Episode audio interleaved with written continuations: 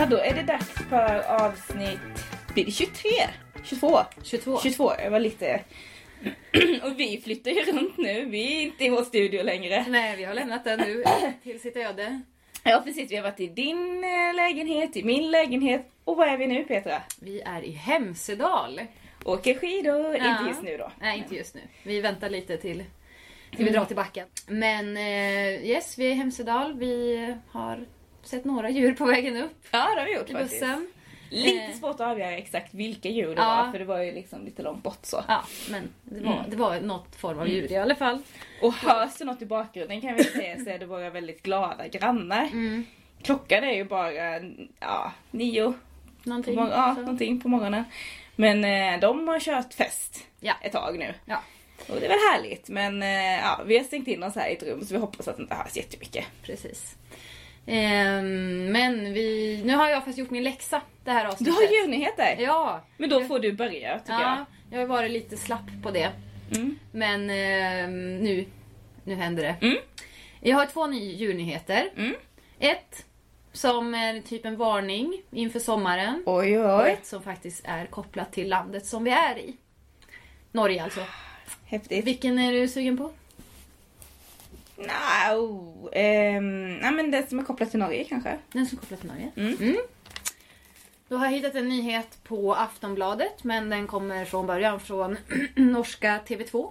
Mm. Och det är att norrmännen går i bräschen och inför ett särskilt nummer för djur i nöd. Nej, vad kul! Typ som ett SOS-nummer Mm. fast för djur. Och Det tycker jag är väldigt fint. Det var häftigt. Eh, de har gjort en undersökning som visar att 9 av 10 norrmän inte vet var de ska vända sig om ett djur råkar illa ut. Nej. Var ska man ringa då någonstans? Ja. Man måste ju kanske få hjälp. Eh, och i, här i Norge så är det lag på att eh, alla 160 kommuner ska ha en vakthavande veterinär som ska kunna rycka ut dygnet runt. Mm. Eh, men det gör ju också att eh, det i nuläget är 160 olika nummer att ringa också. Så det kan ju Oj. vara lite svårt. För man kan ju vara att man reser till en annan kommun och så händer någonting med ens ett djur. Liksom. Var ska man ringa då? Det är ju svårt att veta. Det känns inte riktigt hållbart. Nej. Så då har man helt enkelt gjort en eh, rikstäckande satsning. Och så försöker man samla alla de här 160 numren under ett och samma nummer. Som när man ringer till 112. Fast Det- ett annat nummer. Mm. Vilket bra initiativ. Ja. Och den som svarar då på det här larmnumret kan koppla en vidare direkt till den man Till rätt veterinär. Precis. Mm. Eh, så att man håller på att samla in de här. Hittills har man fått in 50 läste jag. Så att man jobbar på detta. Jätte, jättebra. Mm. Och då säger en eh, veterinär som heter Toril Mosseng till norska TV2 eh, att eh, de ska kunna ge akut vård till alla djur oavsett om det är en hamster eller en ko. Det är jättebra. Mm. Det är Det jättebra. Mycket, mycket bra initiativ. Det Mm. var den. Jag har bara en liten grej som också är lite... ehm, ja men du kanske har hört det också. Men det var... Ska vi se. Eh, ja det var någon vetenskapsradion som la upp det först och sen så har jag sett den, ja det är Sveriges Radio någonstans. Och det är också lite Norge för det handlar om ehm, forskare som upptäckt en grupp valar som lever under havsisen norr om Svalbard. Och de sjunger som inga andra valar. Sån här.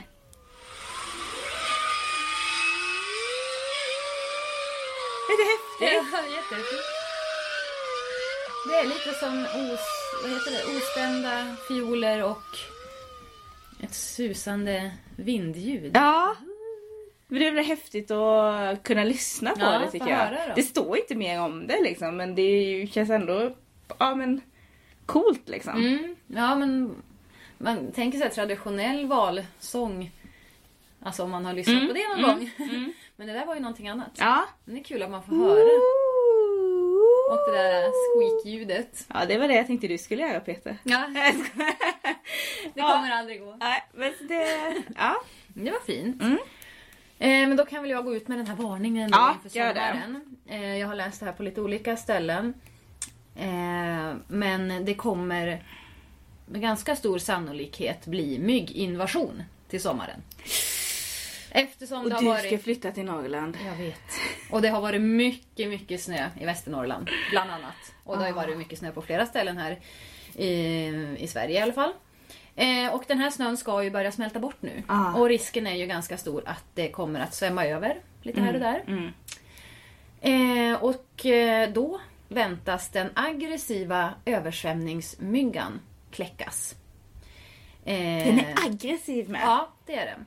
Eh, när det blir liksom rejäla vårfloder och så blir det varma temperaturer Mm. på våren. Det är liksom optimala förutsättningar för just den här eh, arten översvämningsmygga. Mm. Ehm, och det som är grejen med deras ägg är att de kan ju lägga massvis med ägg och flera generationer av ägg kan liksom ligga och bara vänta. Så här, i Flera generationer! år kan de ligga. sjukt. Och så sen när förhållandena är optimala så kan de kläckas. Och förhållandena är optimala nu tror man. Ja, de kommer förmodligen bli det när det svämmas över på många ställen och det blir varmt. Ehm, och eh, ja, då blir det ju mygginvasion. Och då säger en eh, som heter Jan Lundström och han är Sveriges främste myggbekämpare och verksamhetsledare för myggbekämpning vid nedre Dalälven. Han säger att de här myggorna är värst. Väldigt aggressiva och kan flyga 10-15 kilometer per dag. Men shit. Så att eh, även Det om de inte bara- kläcks in i skogen så kan de Ja. liksom ta sig ut till folk. Så det här kan bli lite jobbigt. Ja och sen tänker jag så här att det här låter ju Alltså jag tänkte ju direkt såhär bara, men det får ni i Norrland ha. Men det är nog större än så kanske. Mm, det kan det mycket möjligt vara. Det finns ju vattendrag och eh, ställen Mm. som kan svämma över i städerna också. Absolut. Så att, eh, ja, fram med myggstift och myggspray och sån här Ja, Det börjar myggljus. nästan och... klia på mig bara vi pratar Ja, om man kommer det. bara höra bara hur det surrar Ja. i öronen. Så det är en liten varning. Ni kan ju börja bunkra Ja. myggmedel redan nu. Det är väl jag, bra. Innan det tar slut.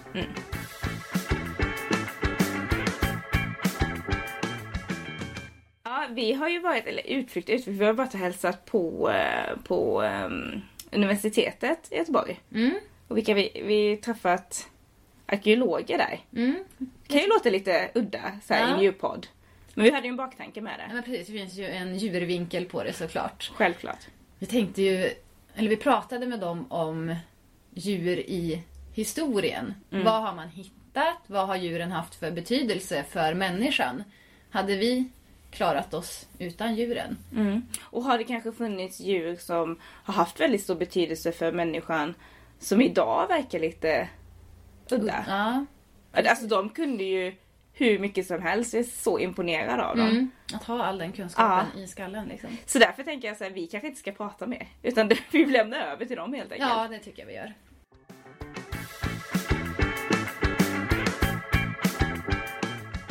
Jag heter Sofie Bergebrandt och jag forskar om bronsåldern och textilproduktion och eh, fårets relation till människan är min huvudsakliga fokus på.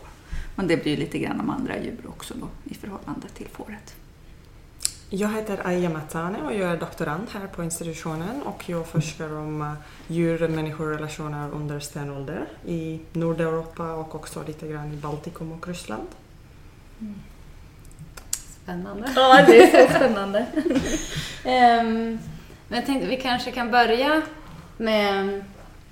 Alltså när började människor och djur närma sig varandra? Att man inte bara jagade djur utan man kanske mer domesticerade eller hade dem nära sig. Om ni förstår hur jag tänker. Alltså, hunden är ju du bättre på att svara på än Ja, men egentligen jag skulle tänka att människor och djur har ju varit alltid väldigt nära varandra. Och människor har ju särskilt under stenålder bott ju eller levt väldigt ja, nära djur och in i miljön. Och som jag forskar det är ju mest att människan har varit bara en liten del av naturen och miljö och antagligen det har ju varit mycket mer djur som finns i naturen än människor. Så då tror jag att det har varit väldigt eh, nära relation med, mellan människor och djur. Och efter precis när det började en domesticering eller när människor börjar eh, ja, domesticera djur och, eh, för olika skäl och sånt. Men ja, hunden är den som är den tidigaste och första. Och efter eh, under bondestenåldern det kommer eh, ja, andra tamdjur också och det Mm. fortsätter eh, ja, genom för historien. Men eh, För det är ju länge sedan man började domesticera djur. Om vi pratar i, alltså de första domesticerade djuren var ju i Anatolien, Mellanöstern. Och fåret till exempel, man vet inte säkert men man tror ungefär 8-7 tusen före Kristus. Så för ungefär 10 000 år sedan började man göra det. Och då började, tror man också att man, det tyder på att man inte började för att ha dem så att säga hemma och ta hand om dem på det sättet utan man började för att man ville säkra sig att eh, flockarna var stora nog och att man fick, man fick de djuren, så man kunde jaga de djuren man ville ha. Så man tror att det började för att alltså, säkra djur till jakt. Och sen blev det då mer och mer att du tog hem dem och in dem och började använda dem för väldigt olika, många saker. Men ursprungligen så all den tidiga domesticeringen är ju bara för kött, kötttillgång. Det är ju först senare man börjar det som på engelska kallas the second product revolution. Alltså när man börjar använda eh, mjölken och ullen och allt sånt där. Det sker, det är lite osäkert när det sker, men det sker nog kanske 3-4 tusen före Kristus. Ja, mjölken i korna kan ske ännu tidigare. Men. Så man hade får rätt eh, länge då bara för köttet Ja. innan man förstod vad man kunde göra med ullen? Alltså ull, ullutvecklingen i får är väldigt sen. ja. Uh, 6000 före Kristus så, så får du tänka dig fåren som getter. Så de Aha. hade inte så mycket ull. Ull, utan ullen kommer senare. Och tittar man i bronsåldern, den tiden jag är specialist på, Ja. och man läser de här källorna vi har ifrån antingen Mellanöstern eller Grekland, så visar det sig att alltså idag så har ju, tittar du på en merinoull idag så får ju de kanske 6-7 kilo normalt sett ull per år. Men i bronsåldern så kanske de fick mellan 500 och 750 gram. Oj. Eh, Så att det är vi som alltså det är ju det djuret jag skulle säga människan har förändrat mest. Mhm. Och, så i början så var det ju bara mer, i järnåldern så började det bli mer och mer ull och sen så då historisk tid så har det blivit så här mycket ull. Och ursprungligen så tappade ju alla får sin ull, eller sin päls eh, årligen. De gick och skrapade sig så man kunde ju plocka. Det, det finns ju vissa så kallade primitiva får som fortfarande gör det. Mm. Eh, Så om de gnider sig så kan man ju gå och plocka ull om man inte plockar bort den. För de, de kan man bara plocka ifrån fåret. Så du kan sätta fåret och så kan du liksom, en riktigt duktig plockerska eh, historiskt sett kunde plocka av hela ullen så att det blev en enda fäll så att säga utav det. Eh, så att klippningen är lite senare. Eh, men idag så om du Alltså de här merinullen, det, alltså de historierna som vi ser i nyheterna, de är ju alltid från Nya Zeeland och Australien av någon anledning. Men rymmer ett får idag, så växer ju, växer ju, växer ju pälsen. Så väldigt många får idag som rymmer dör för att om de ramlar så blir de så tunga så de kan inte resa sig upp. Mm. Så de svälter ihjäl. Ja, vad sorgligt. Ja. Medan då några får som, eh, jag kommer inte ihåg vad de hette, men det har varit några fall som har varit väldigt stora media eh, där man då har, där fåren har hittat hem igen. Som har varit enormt stora. eh, Och de har haft 18 till 20 kilo ull på sig. Helt galet. Alltså, För att den bara växer och växer och växer. Utan, så att, och det är ju vi människan som har förändrat fåret så väldigt mycket. Är det alltså för att vi har börjat Ja, och för, och för att vi raka har... dem kanske man inte gjorde förr, men Nej, i början alltså. Om vi tittar då på bronsåldern och textilier Mm. som det jag jobbar mest. Då är ullen så kort. Så att rakar du den så blir den nästan omöjlig att hantera. Den blir så jättekort. Utan det är först när vi, vi avlar för att få längre och längre Mm. fibrer på ullen. Och det är först när de blir långa. Så det är ingen som vet om vad som kommer först, hönan eller ägget så att Nej. säga. Utan om man börjar klippa för att ullen slutar ramla av eller om man ullen slutar, att det blir inte så viktigt att ullen ramlar av för att man klipper. Men det börjar man först göra i järnåldern när ullen på fåren har blivit så pass långa.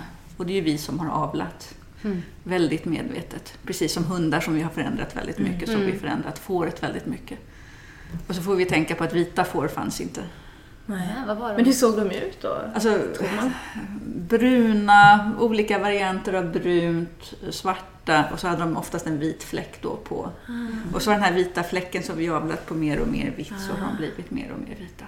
Mhm. Var det extra fint då kanske att ha vitt? Ja, och vit ull går att färga mycket lättare än någonting Ja, annat. det är Ja, klart. sant. Det är klart. Sant. Och människan gillar färg. Men jag tänker, åt man hundar också då? Hade man dem för att äta dem? Antagligen det finns även bevis för, för eh, skärmärken på hundben. Mm. Men hur mycket har de ätit hundar? eh, Ja, det vet jag inte men eh, antagligen också. Mm. Jag tror det, det kan ju variera från kultur till kultur. Mm. Ja. Mm. Men det finns ju skärmärken på hundben i Skandinavien och sånt. Men eh, antagligen hundar har ju varit mest som en uh, sällskapsdjur, särskilt under stenålder och jägarstenålder. Att man har ja, haft hundar med sig i jakt och, och i det vardagliga livet och antagligen även kanske använt hundar för transport och transportera sig och, och hjälpa med uh, ja, transportera saker eller sig och sånt. Mm. Men kan man se det på utgrävningar då, att eh, hunden har en speciell plats eller sådär? Ja, det finns exempel till, eh, till exempel från Skatteholm i södra Sverige. Det är en gravfält från eh, jägarstenålder. Och där finns eh, hundar begravda på liknande sätt som människor. Och till exempel några hundar har haft även gravgåvor med sig. Så det betyder att antagligen de har haft något särskilt roll i samhället. Som det är inte alla hundar som har haft liknande behandling. Men Mm. bara några och, och sånt. Så det är ganska speciell plats att man kan se den relationen. Det finns ju hundbegravningar i, i andra platser i världen också. Men, eh, men ja, jag har forskat mest om Skatteholm Mm. och några andra ja, platser i Nordeuropa. Och, men samtidigt, det här är en av de bästa exempel på Mm. hund-människor-relationen och, eh, och den speciella roll som hundarna har haft i stenålder. Va, vad kan det vara för gåvor de fick med sig? Ehm, till exempel, ett exempel ehm, eh, visar att man hade någon eh, horn av, av hjort och även eh, flintkniv med sig och en ornamenterad, uh, var det en eh, ornamenterad, eh, jag tror horn också det var, med ristningar och det hittar man väldigt eh, sällan. Mm. Så det var ganska speciell eh, ja, grav från Skatteholm. Så, eh, men det kan finnas även till exempel i Ryssland, i ett exempel som jag jobbar med där också, att de har haft tandpärlorna från andra djur med sig. Så det också visar att de har även, ja, inte kanske haft smycken, men man har lagt eh, samma Mm. samma föremål som de lade i människogravar, de har lagt i hundgravar. Så Mm. det, ja. Intressant. Är det något annat djur ni vet som har kunnat ha den statusen eh, som man har sett? Inte Som hund? vad jag vet i Skandinavien. Nej, det inte finns, på samma sätt. Nej. Inte, alltså, det finns enstaka djur som är begravda men inte med gravgåvor vad jag har läst. Nu ska jag Nej, inte svära på att Nej, det nej, men finns. jag tror... eh, Men inte i den utsträckningen? Nej, inte. Nej. och särskilt med sådana gravgåvor så det är verkligen bara hundar och eh, det finns eh, andra till exempel djurdelar som har placerats i gravarna och till exempel det finns en del horn också till exempel i Skatteholm som också har um, använts för gravstrukturen och eh, ja, också kanske haft någon eh, särskild betydelse för livet efter. Därför de har, hade placerat det. Men det finns väldigt många olika djurdelar i gravarna och det forskar jag om. Om vilken betydelse har det möjligen haft och varför, varför har de valt exakt denna, Ja. dessa djur. Eftersom det finns ju också skillnader mellan djur som de har haft i gravarna och det, det som har hittats på bosättningar. Så det är en del uh, djurtandspärlorna man har haft i gravarna. Och då forskar jag om vilka djur och vilka kombination av, eh, av djur har de haft och varför. Vad kan det vara för djur mer då än de här hundarna? Eh, de tandpärlorna det är gjorda från väldigt många olika djur. Då är det väldigt ofta till exempel vildsvin eller eh, kronhjort, uh, älgtänderna. De har använt även eh, särskilt eh, under neolitikum, den yngre stenåldern. Man börjar använda väldigt många rovdjurständerna. Till exempel i Lettland i en um, gravfält. Eh, man har använt väldigt, väldigt många hundtänderna till exempel i gravarna för människor. Och det är väldigt, väldigt stor skillnad från de tidigare perioderna när till exempel älg och hjorttänderna och vildsvinständerna dominerade den sammanställning av smycken. Men eh, under den yngre stenåldern då plötsligt blir det väldigt stor, uh, ja, stor antal hundtänderna som används. Så det är också intressant skillnad hur det förändras, den, den val, hur de eh, ja, änd, eh, ja, valde sig att använda smycken och sånt. Ja, kan det bero på att det liksom blev mm, väldigt mycket hundar då, man började... En del, men jag tror också det kan vara naturförändringar eller förändringar i miljö samtidigt som i människornas föreställningsvärld kanske. Det var annan betydelse och eh, till exempel kanske det kan förknippas för den stigande roll av hundar i samhället kanske. Eller Mm. ja, jag vet Det var inte. något fint att få med sig liksom. Men... Ja, men man särskilt att man har valt till exempel också under neolitikum, den yngre stenåldern, också sältänder förekommer i, som smycken och det har inte hänt innan. Och det beror på den eh, ekologiska förändringen som sker i Östersjön. Att det börjar bli mer sälar under den särskild tid. Så man jagade sälar och använde ja, deras ben och tänderna. Och säkert deras skinn. Ja, ja, Mm, eh, det precis. antagligen har varit väldigt viktigt. eh, Ja. Men jag tänker, vi pratade om hur fåren såg så annorlunda ut. För de här hund... eh, skeletten eller så som ni har hittat, hur såg hundarna ut då? Det, för idag ser ju hundar så olika ut, från jättesmå till jättestora. Vad var det för typ av hundar som man använde då? Hur stora ungefär? Ja, det kan jag inte riktigt säga Nej. men eh, ja. Jag tror mer mellanstora kanske hundar, inte väldigt, väldigt Nej. stora. Det man tänker sig en hund typ. Alltså det, det jag vet då som jobbar med lite senare tidsperioder det är att i, i Danmark när man har tittat på sådana här studier så kan man se att i stenåldern, alltså sena stenåldern, då, bondestenåldern, så är hundarna ungefär alltså de är lika stora så du har en storlek på hund. Ja. Men när du kommer in i bronsåldern så har du helt plötsligt allt från små hundar till riktigt stora hundar. Så där sker det en förändring. Och samma förändring sker även i Europa. Så någonstans så sker det en stor förändring då mellan övergången från sten till bronsålder. Mm. Där, hunden, där man får hundar av väldigt många, andra, väldigt, väldigt många olika anledningar. Ja. Men det har man ju, alltså det har man ju haft historiskt sett. Eh, Min mamma har ju haft en, hund, en Lövsen om ni vet vad den är för hundras. Och den är ju framavlad för att, för att vara en värmedyna. Eh, För att eh, den hade de rika damerna i slotten och så hade man en, alltså man den heter ju Löfsen för det blir litet lejon på tyska. Och så rakar man baken och där man rakar baken så blir de mycket varmare. Så att du, du ska ha en som ligger på fötterna, eller på benen, eller på fötterna då och håller fötterna varma och så har du en i knät och så när du broderar och när det blir kall om händerna så kan du stoppa den på den rakade delen på baken och så värmer du upp händer och så syr du. Så att hundar är ju framavlade för väldigt många anledningar och jag kan tänka mig att historiskt sett så kanske man behövde lite värmedyner också. Ja. Ja, det lär man ju. Eh, Och även då jakthundar och så att man kanske fick en större spridning på vad man hade hundar. Men i bronsåldern vet jag att det finns hundar. Mm, och det är kanske där det, det är då ni märker att det börjar få mer spridning Ja, på olika... Ja. av olika Vad häftigt. Alltså, när vi kom hit tänkte jag det finns väl många sätt som eh, människan har samspelat med djur. Men värmedyna hade jag faktiskt inte som gissning. Men, Alltså, men, alltså som värmekälla så är människan haft Absolut. som väldigt Ja. mycket. Det är ju, tittar man...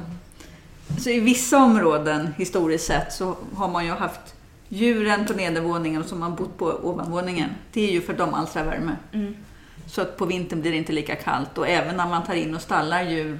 Alltså i Skandinavien så börjar man någon gång under bronsåldern att bygga en stalldel så att säga. Så man tar in djur kanske under vintern. Och det hjälper ju till att alstra värmen och hålla värmen i Ja. huset. För de skapar ju väldigt mycket värme. Mm. Så att de, de är nog ganska stor värmekälla. Mm. Plus att du då kanske kan, det luktar väl kanske inte så gott men du kan ju bränna deras avföring för att få värme och sånt också. Ja, som man sant. har gjort i olika tider. Så att jag tror värmekälla och djur har nog Mm. funkat. Plus att jag då som eh, textil eh, eller dräktmänniska alltid tänker djur och kläder för vi har haft skinnkläder under väldigt stor del av förhistorien och det är gjort av djur. Så vi har burit djuren på ett helt annat sätt. Mm. Så vi har haft en mycket närmare relation på det sättet. Mm. Och de har ju satt samman klädesplaggen på olika skinn, på vad som är mjukast och så, så de har ju varit väldigt kunniga i skinnhantering. Häftigt. Så eh, Och djur ändrar ju päls under året också. Och det har ju också varit viktigt att när man använder och även färgvis till exempel. Som eh, räv.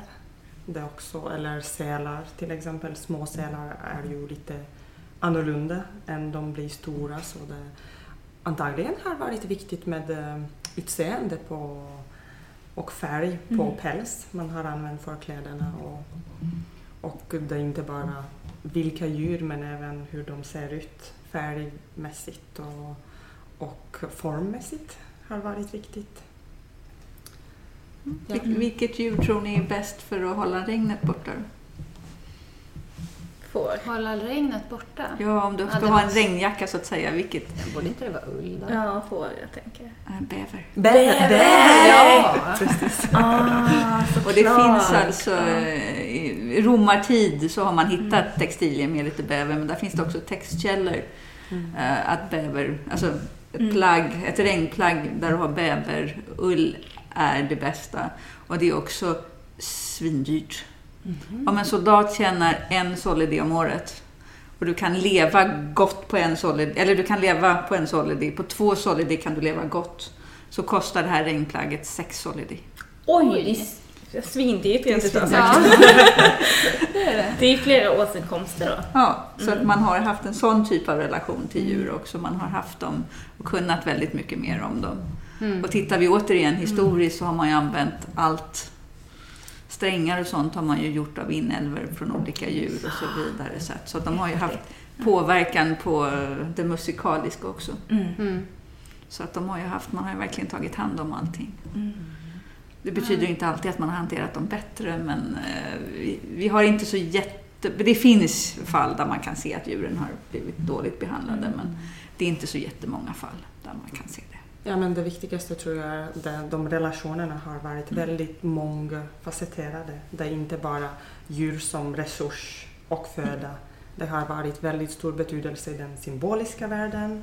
Djur har eh, representerats till exempel som på hällristningar och eh, andra typ och gjorts eh, olika ja, konst Mm. liknande, ja, liknande djurfiguriner och sånt. Och samtidigt man har använt djur till smycken och kläder och, och lagt i gravarna som antagligen kanske har haft någon betydelse för deras ja, för, föreställningsvärld och eh, symbolik. Mm. Ja, många av de här föreställningsvärldarna är nog väldigt långlivade, för som sagt var, Aja har väldigt många eh, djurtänder i, som smycken i sina gravar, men, eh, och hon är ju vad, vad har du dina äldsta? Vad, har du, vad är de äldsta gravarna daterade till? Ah, De äldsta gravarna kommer från Lettland, den som jag jobbar med, och de är eh, från eh, cirka ja, 9000 år sedan. Oj. Så det är väldigt eh, gamla och redan då man har använt en del djurtänder som smycken. Och efter jag forskar hur det förändras, den användning av de djurtänderna och då kommer andra djurdelar också in i, Mm. i, i gravarna. Till exempel, jag har ett intressant exempel från den Sveineki gravfält i Lettland. Eh, att det förekommer under en uh, viss tidsperiod bäver, fotben, astragalus, som är ganska speciell form. Och eh, då har jag också läst lite ja, analogier och vad kan det betyda eftersom eh, i det materialet har man hittat de flesta eh, bäver astragalus i barngravar eller kvinnogravar. Och då jag har läst eh, om några exempel, till exempel från Sibirien, att man har använt eh, de astragalusben som eh, amuletter för, eh, som har haft någon eh, protection eh, funktion, Skyddande. Mm, skyddande mm. funktion. Mm. Så möjligen har det varit, men det är väldigt intressant eftersom då är det bara den, den särskilda ben man har använt. Mm. Och inte så många andra bäverben. Några tänder man har använt men ingenting annat. Nej. Och ingen annan uh, astragalus av andra djur man har använt, bara den bäver. Så det är också intressant varför exakt den ben och den djur man har använt i den sammanställningen av smycken och Mm. sånt. Så det är intressant. Och samma till exempel i Skatteholm i södra Sverige, man har använt uh, mårdkäkar i gravarna. Mm. Hela käken? Ja, Mhm. och de uh, har även sån perforation, perforering. Hål. Ja, hål. Att man, Aha. man har ja, mm, fästat den Ja. någonstans på kläderna eller Mhm. hängt. Så det också skiljer sig att man till exempel i Lettland det finns inte mårdkäkar Nej. använda i den gravfältet. Medan i Ryssland det kommer igen i det materialet jag forskar så det är väldigt intressant att se de skillnaderna och liknande Mm. likheter som, som ja, att man har använt djur på samma sätt eller olika sätt och vilka djur och varför. Björnen har vi ju få, alltså vi har ju tecken från till Ötzi har ju till exempel en mössa gjord av eh, björnskinn. Och det finns några andra tecken på att man använt björn under ganska lång tid i historien. Men kommer vi in i järnåldern så blir björnen helt plötsligt väldigt viktig. Då kan man hitta, alltså då har man haft björnfjällar troligtvis och begravt folk på, för man kan hitta falanger då från, från händer och så. Eh, och björnen blir helt plötsligt väldigt synlig i, eh, alltså i ik- ikonografin, i bildverken så kan du se björnen och björnen verkar ha en stor roll. Eh, och frågan är hur långt man kan dra till de här sakerna, men eh, det, Oscar, nej, vet inte, Rolf de la Mar heter han, eh, som var en son till de som barnbarn till Hallwylska palatset, om ni vet vad det är i Stockholm. Det är, alltså det, det, är nu, det är ett fint hus där vi har, det är ett museum idag. Eh, Men så att han var en rik man som hade en eh, väldigt stor eh, intresse för dans. Och så på, jag ska inte svära på om det var 20, säg att det var runt 1920. Jag kommer inte ihåg om det var 20 eller 30-talet, men jag tror det var 20-talet. Så åker han runt i Sverige och filmar olika danser. Och då finns det på flera ställen eh, alltså björndanser. Men jag har sett ett klipp på Dansens museum i Stockholm där det är alltså två, måste vara ganska korta damer på bilderna i alla fall, som är iklädda, alltså iklädda en björn. Så de har Hela björnen? En hel björn, för de har en hel björndräkt som då är en björn. De har, så dansar de björndans. Så att björnen har nog ifrån järnåldern haft en väldigt viktig funktion. Mm. Om den då har öv- så har den på något sätt, den har självfallet förändrats under tiden, Mm. men den har då överlevt ända in i 1900-talet. Mm. Vikten av björnen, Ja. även om den då har lite förändrats. För det fanns björndanser där det inte var några björnsymbolik utan det var liksom bara dans. Men det fanns även den här då, enligt texten som fanns till, två damer som var iklädda varsin björnkostym som då Ja. var gjord av björnar Ja, så att säga. Som dansade en specifik dans. Eh, Spännande. Jag har precis läst det som jag läste lite etnografiska paralleller också, och särskilt om björnar och det var också i Sibirien. De har haft även sådana björnfestival när de också, eftersom det var ju väldigt viktigt djur för dem. Och eh, de har också haft björnskinn som de har eh, till exempel kamat med eh, särskilt gjorda eh, kam till den här Mm. eh, festivalen och då har det varit väldigt viktigt att man ska eh, sh- ja, se till att den björnen mår bra och sånt, men det är bara skinn, eller ja, Mm, mm. mm, björnskinn och ja, med tassar och huvudet, men, men ändå. Men jag tänker björnen har väl också stor, stort värde för samerna. Alltså Mm. den har väl... Alltså i norra Sverige så hittar du ju en del björnar på hällristningarna och du hittar björngravar från flera olika perioder. Men i södra Sverige så ser vi väldigt få spår av björnen förrän vi kommer in i järnåldern. Och då ser, har du ganska många gravar med björnfalanger och helt plötsligt kommer björnen in i symbolvärlden då på ett sätt. Så att någonting händer eh, där Mm. som gör.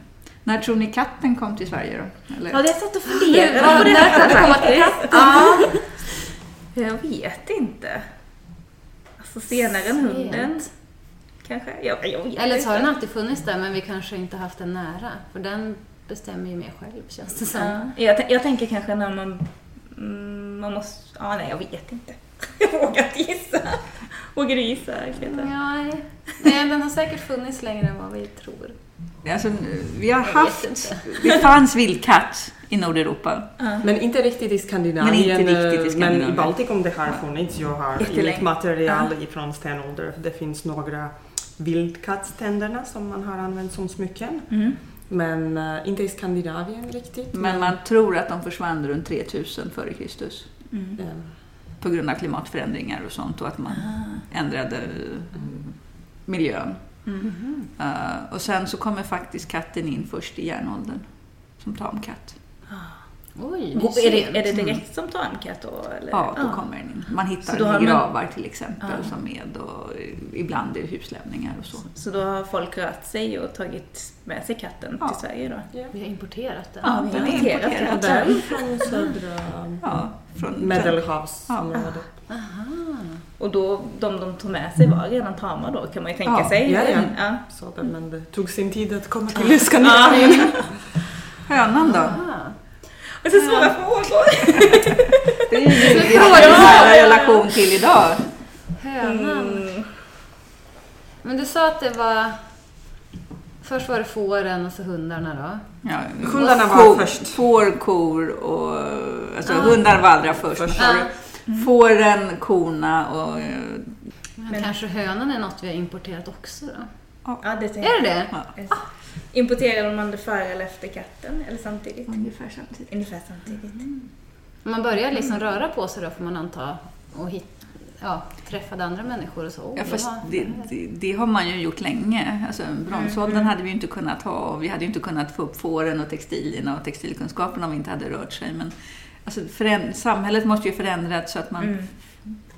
fick ett behov av det. Man kanske lagrade En katt är ju bra jagare Mm, om du har möss och sånt. Så man Mm. kanske började lagra grödor eller så odlade man lite andra grödor som lockade. Jag vet inte, det är Mm. Nej, svårt att säga. Men Ja. eh, de är ju, hönan är ju då ganska sen. Ja. Så inga kakor eller bullar förrän järnåldern. Men vad har vi mer importerat för... eh, Alltså fåret är ju då importerat. Ja. Ja, vi har- vi har nog importerat ganska många djur. Men eh, hästen är nog också... Alltså det har funnits... I ett tag fanns det ta, vildhästar, men Ja. jag tror de dog ut innan ta, dagens tamhästar kom. Mm.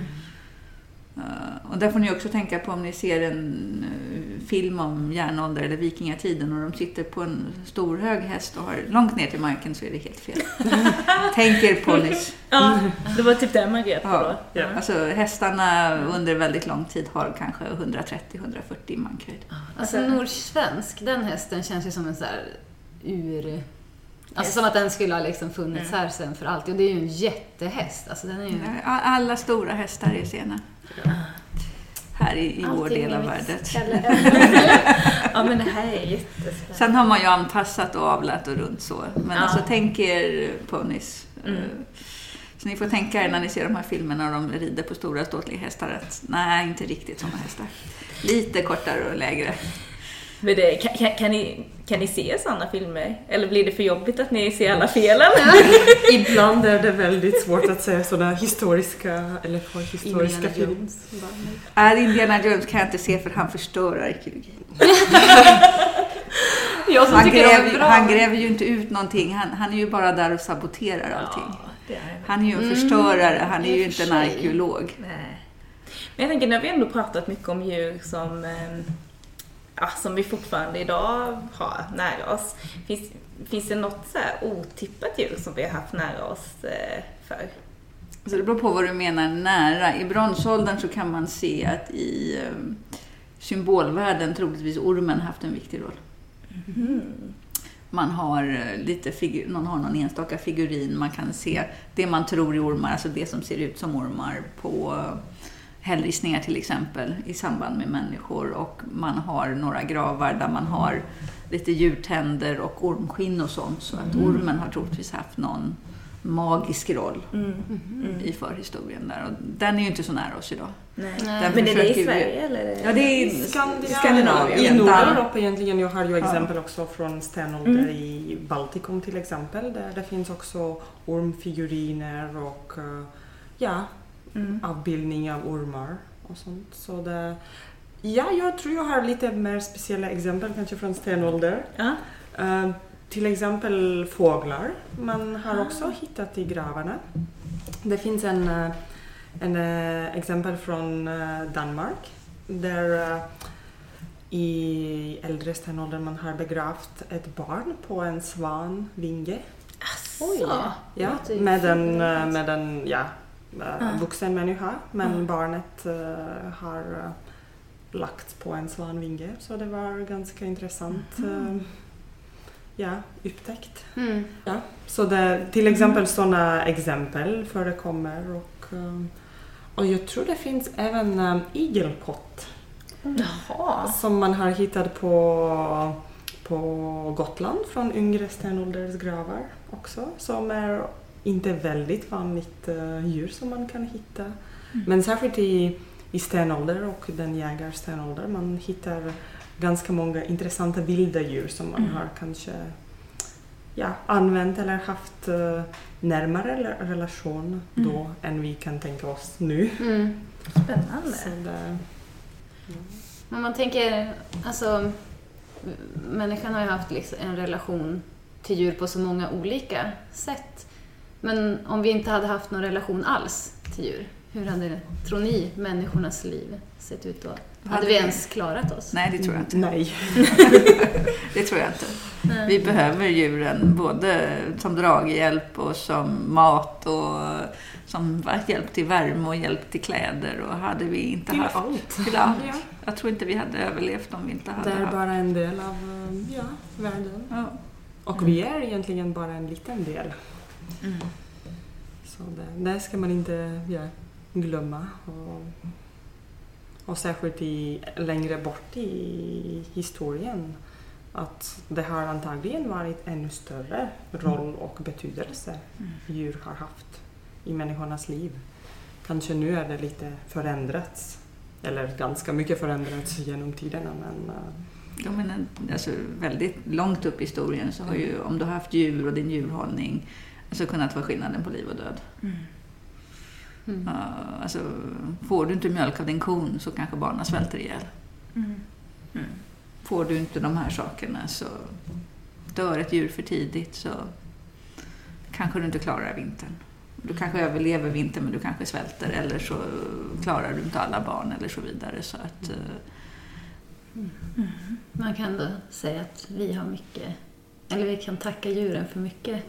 det kan vi göra. det ska man göra.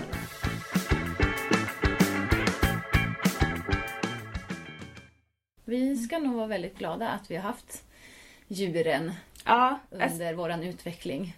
alltså det var ju som du sa, alltså att det är klart vi har haft nytta av varandra, att djuren har haft nytta av också, oss också, men min magkänsla känner, säger ju mig att de hade ändå klarat sig bättre utan oss Ja. än tvärtom. Ja, helt klart. Men då går vi över till avsnitt zero tycker jag. Mm, det gör vi. Som är kiwifågeln. Det är lite valsång där. Ja, fan vad fint. Nu har jag skrivit kiwifågel med W här. Jag kan säga på en gång att det är fel. Det är med enkel V. Är det? Ja, det är det. Jag har också tänkt fel då. Ja, man tänker ju fel. på frukten Ja. kiwi. Men eh, nej. Du har ing- ja, det, nej, nej, jag ska inte gå händelserna i förväg. Att de har, ingen, de har ingenting med varandra att göra. Du har inte det? Nej, nej de okej. det. okej. Mm. Eh, ja, då är det ju ett sånt här härligt ehm, latinskt namn också. Ja, då. ja. Apterygidae. Gidae. ja. Vart lite norskt kanske. Ja fast det gör vi, vi är ju i Norge. Det får ju... Det får vi acceptera Ja. att det kanske blir så. Vi släpper det på en gång. Ehm, men jag kan ju säga i alla fall att jag tycker att det här kan ju vara den gulligaste fågeln som finns. Alltså den är så gullig. Mm. Ehm, det finns ju... Alltså de är ju lite fjuniga. Det Fjuniga? finns, ja, de har ju inte riktigt fjädrar, det ser snarare ut som päls.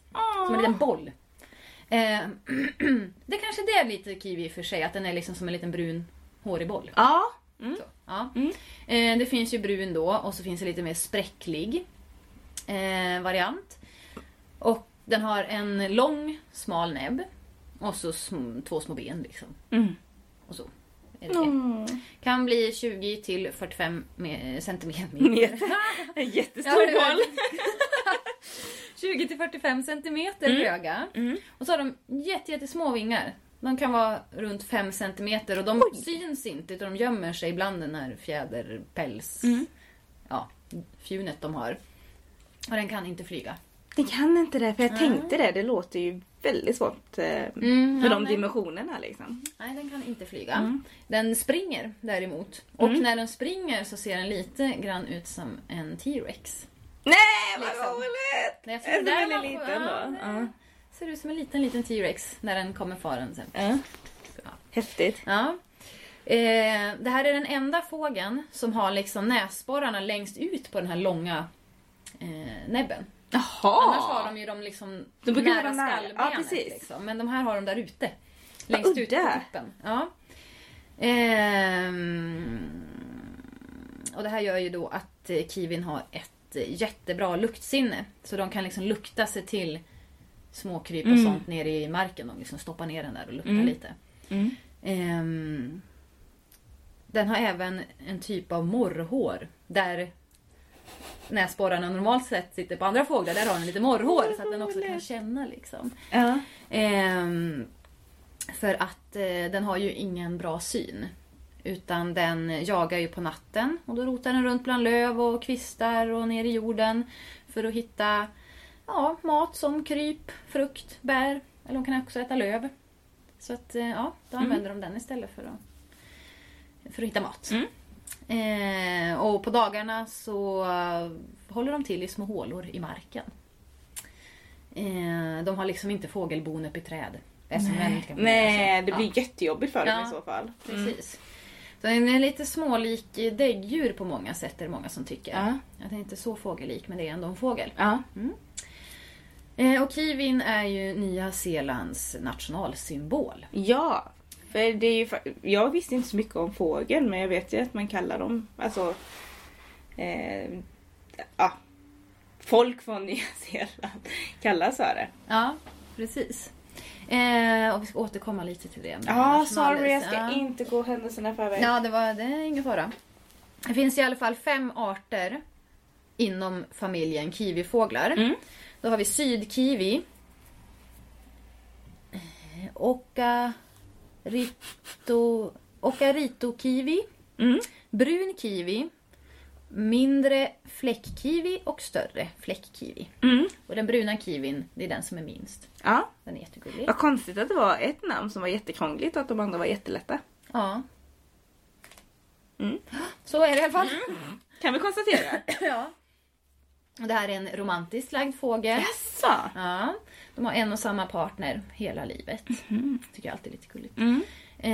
Eh, och de blir runt 15 till 20 år gamla i vilt Det är tillstånd. ändå rätt gammalt. Mm. Men de kan bli äldre då i fångenskap. Mm. Eh, och eftersom den är då lite romantiskt lagd så kan den få upp till tre kullar per år.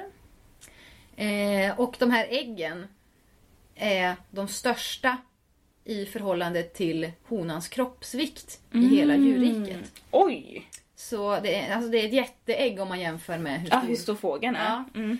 Ehm, det ägget väger runt eh, 430 gram och det är 15% av honans kroppsvikt.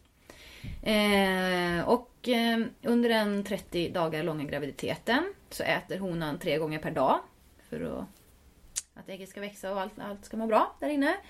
Men de två till tre sista dagarna i graviditeten då får hon fasta för att då är ägget för stort så att hon får inte in någonting annat i sin kropp.